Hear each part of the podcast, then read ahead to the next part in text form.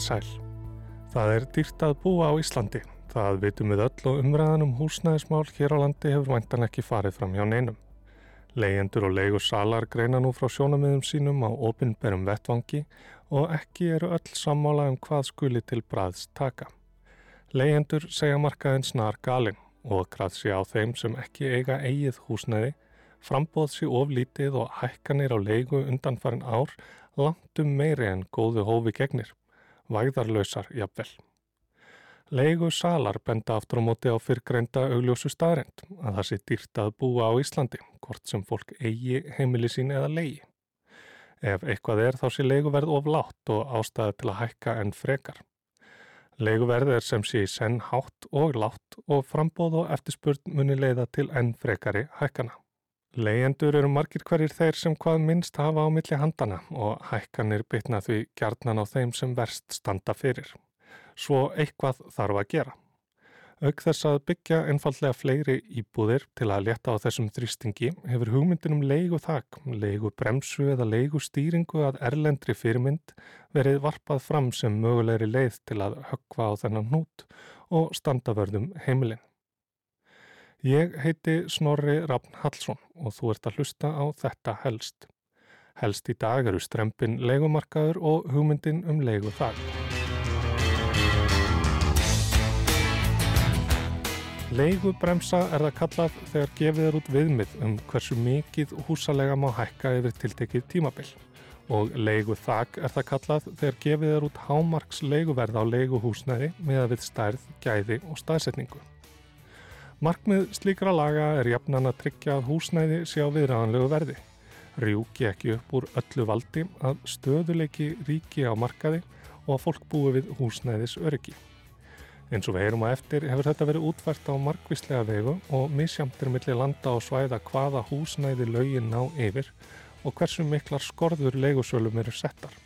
Til að mynda varðandi það undir hvaða kringumstæðum þeim er heimilt að segja upp samningi.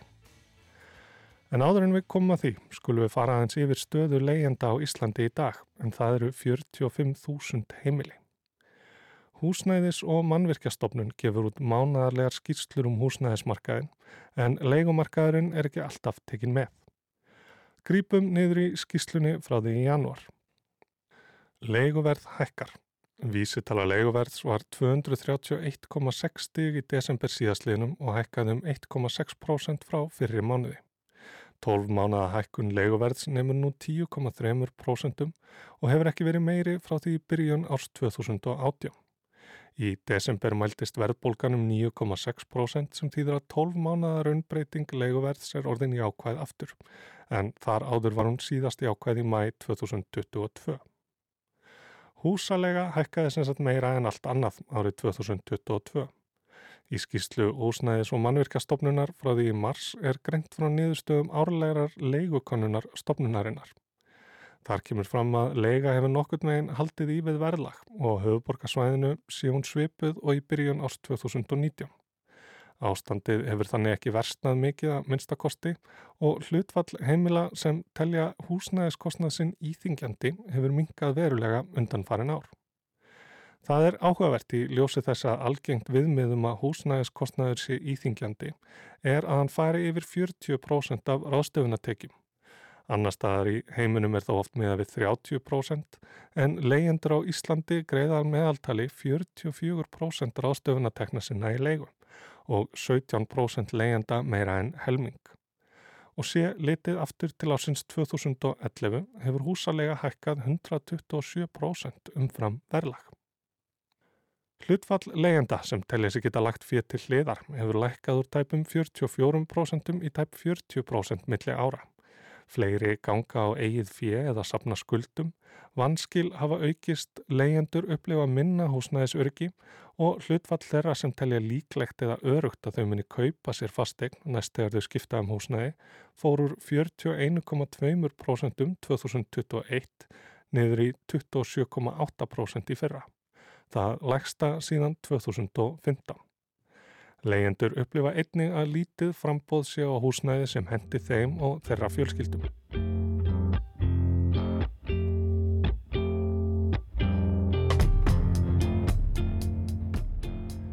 Frum niðurstöður könnunar sem samtök leyenda gerðu fyrir í mæ draga svo svarta mynd af því hvaða áhrif þetta hefur á líðan og líf fólks.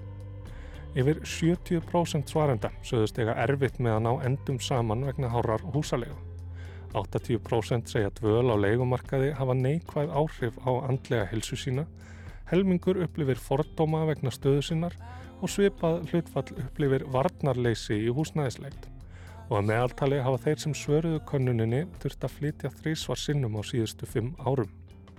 Rannsóknir erlendis frá hafa einnig syngt fram á mikla fylgni millir skorts á húsnæðis öryggi og lagari andlegar og líkamlegar heilsu, auk annara félagslegra og fjárhagslegra erfileika. Svarti sögðurinn í umræðinu núna er ánefa Alma legufélag sem skilaði hagnaði upp á 12,4 miljardar árið 2021 en nú berast fregnir af 20% að hækkunum og því að einstaklingar í viðkvæmri stöðu séu bortnir út vegna þess að þeir ráða ekki við síhækkandi greiðslur. Samtök leyenda og VAF-R hafa því velt upp hugmyndinni um leiguþak eða leigubremsu til að sportna gegn þessari þróun. Það má segja að leiguþak hafi fyrst komið almennilega til tals hér á landi í kringum lífskjara-samningana 2019 og þá sem leið stjórnvalda til að bæta hag heimila í landinu án þess að leggja í mikil útgjöld. Kjara bætunar yrðu þannig á kostnað legusala sem ekki hafa tekið vel í slíkar hugmyndir en það ekki þurft að lúta slíkum takmörkunum hinga til. Í 30. og 7. grein húsalegulaga segir Aðilum er frjálst að semja um fjárhæð húsalegu og hvort og þá með hvaða hætti hún skuli breytast á legutímanum. Legufjárhæðin skal þó vera sangjörn og eðlileg í garð begja aðila. En hvað telst sangjörn og eðlileg lega? Við mat á því hvort fjárhæð húsalegu sé sangjörn og eðlileg í garð begja aðila skal taka með af staðháttum, atvikum og ástandi á legumarkaði á hverjum tíma. Við matið skal engum litið til markaðslegu sambærislegs húsnæðis en jafnfram til almenns húsnæðiskostnæðar. Þar með talið vaksta kostnæðar, skatta og gjalda, staðsetningar, gerðar og ástandslegu húsnæðis endurbóta breytinga og viðhald sem hvor aðila tekur að sér, leigu tíma og annara sérstakra samningsskildna og réttinda sem eðlilegt er að hafa áhrif á leigufjárhæðina. Þetta ákvæði kom inn í lok árs 2022 en því er ekki ætlað að hemja leigu meira en markaðurinn gerir sjálfur. En flokkur fólksinn sem er nú lagt fram frumvarpum breytingu á þessum lögum sem bannar allar hækkanir á leiguverði umfram vísitölu nesluverðs og ekki nómið það heldur bætist við lögin nýtt ákvæði til bráðabyrða. Fjárhæð leigu á íbúðarhúsnæði skal ekki taka breytingum til hækkunar til ársloka 2024, þrátt fyrir samningsskilmála um verðtrykkingu eða aðrar verðbreytingar.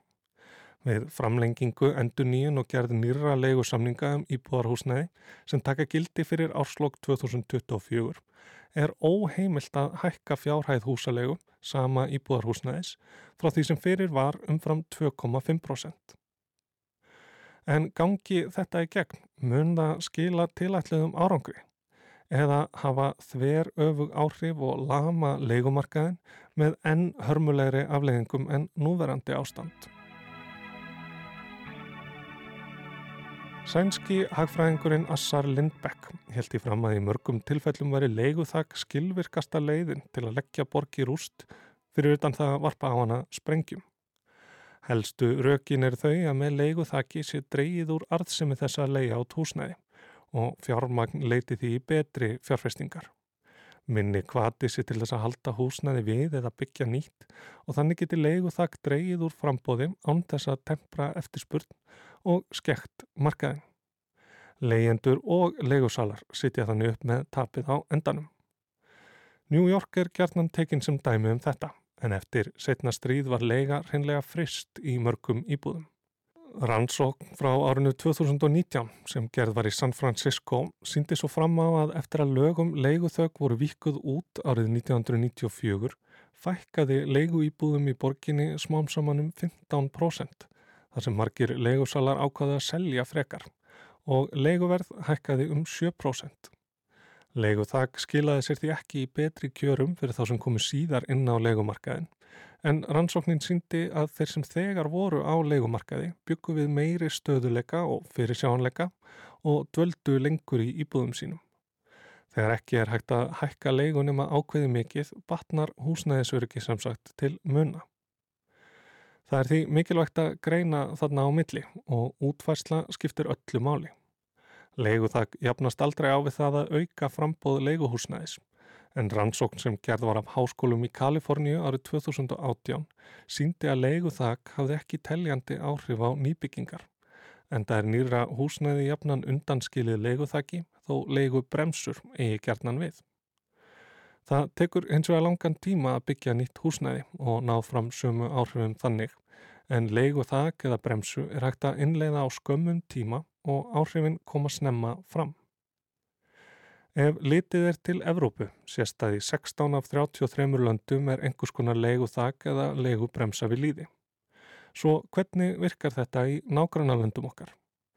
Í Þýskalandi geta sambandslöndin skilgreint svæði þar sem húsnæðismarkaðurinn telst þaninn út frá nokkrum mælikvörðum. Til að mynda að þar sé lega talsvert herri en annar staðar í landinu. Að kostnaður við húsnæði sé talsvert meira íþingjandi en annar staðar. Á svæðum þar sem fólksfjölgun er meiri en fjölgun íbúða eða þar sem margar íbúður eru lausar en eftirspurn samt sem haður mikil.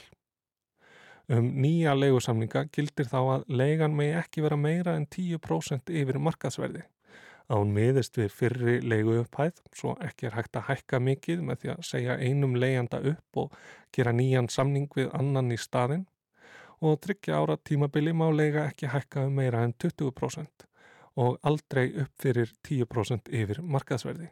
Þetta hefur gilt í Berlín frá 2015 en þar hefur einnig verið skilgreynd ákveði fermetraverð fyrir byggingar sem byggðar voru fyrir 2014 og meðast hafið byggingar ár, gæði, ástand og stærð húsnæðis. Frakland hefur farið svipaða leið þar sem hækkun á leigu í stórum þjættbíliskjörnum er stýrt með vísitölu. Í Svíþjóð hefur svo leið verið farin að skilgreina leiguverð út frá notagildi fremur en kostnaði við húsnæði. Þar er því ekki sama beintenging við húsnæðisverð og valdið hefur usla hér á landi og leyendur því að vissuleiti varðir fyrir miklum söplum á markaði. Notagildi miðast eins og í Þískalandi við staðsetningu, gæði, ástand og stærð húsnæðisins og til að koma í veg fyrir að leiguþakkið leti framkvæmdir og viðhald geta leigusalar sótt um leifi til að rukka herri leigu. Það gera er með því að semja við samtöku leigjenda og sína fram á að leigan dekki útlaðan kostnað og skili sangjörnum hagnaði. Í Danmörku og víðar geta leyendur svo leita til sérstaks húsnæðis domstóls til að fá sangjarnar leigu metna og eiga þeir rétt á endurgreislu hafi leiga verið of há.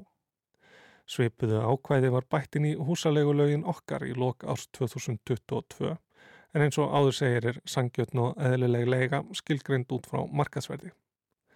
Lögin okkar setja svo ekkert tiltekið hámarka á hækkun, svo lengi sem markaðurinn allur reyfist upp á við og því er erfitt að segja hversu vel þetta ákvæði mun nýtast legendum.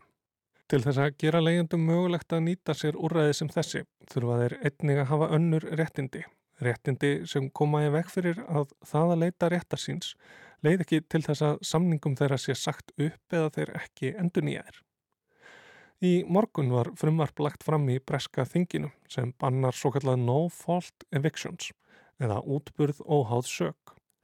Michael Gove, húsnæðismálar á þeirra Bretlands, sæði í samtali við BBC að markmiðið sé að vernda leyendur fyrir fámennum hópi ósvífina leigusala sem nota oknina af útburði óháð sök til að þakka niður í leyendum sem kvarta undan slæmum aðbúnaði. Hann segir einnig að frumvarpið sé gott fyrir leigusala þar sem það leifir þeim að segja upp leyendum sem sína af sér andfélagslega hegðun, hratt og öruglega. Samtök leyenda í London segja frumvarpið þó ekki ganga nógu langt því það taki ekki á stórum og ósangjörnum hækkunum á leiguverði. 20% hækkun á leigu er einfallega útburður óháð sög undir öðru nafni. Þakk eitt og sér er því ekki lausna á þeim vanda sem nú ríkir á leigumarkaði og húsnæðismarkaði almennt.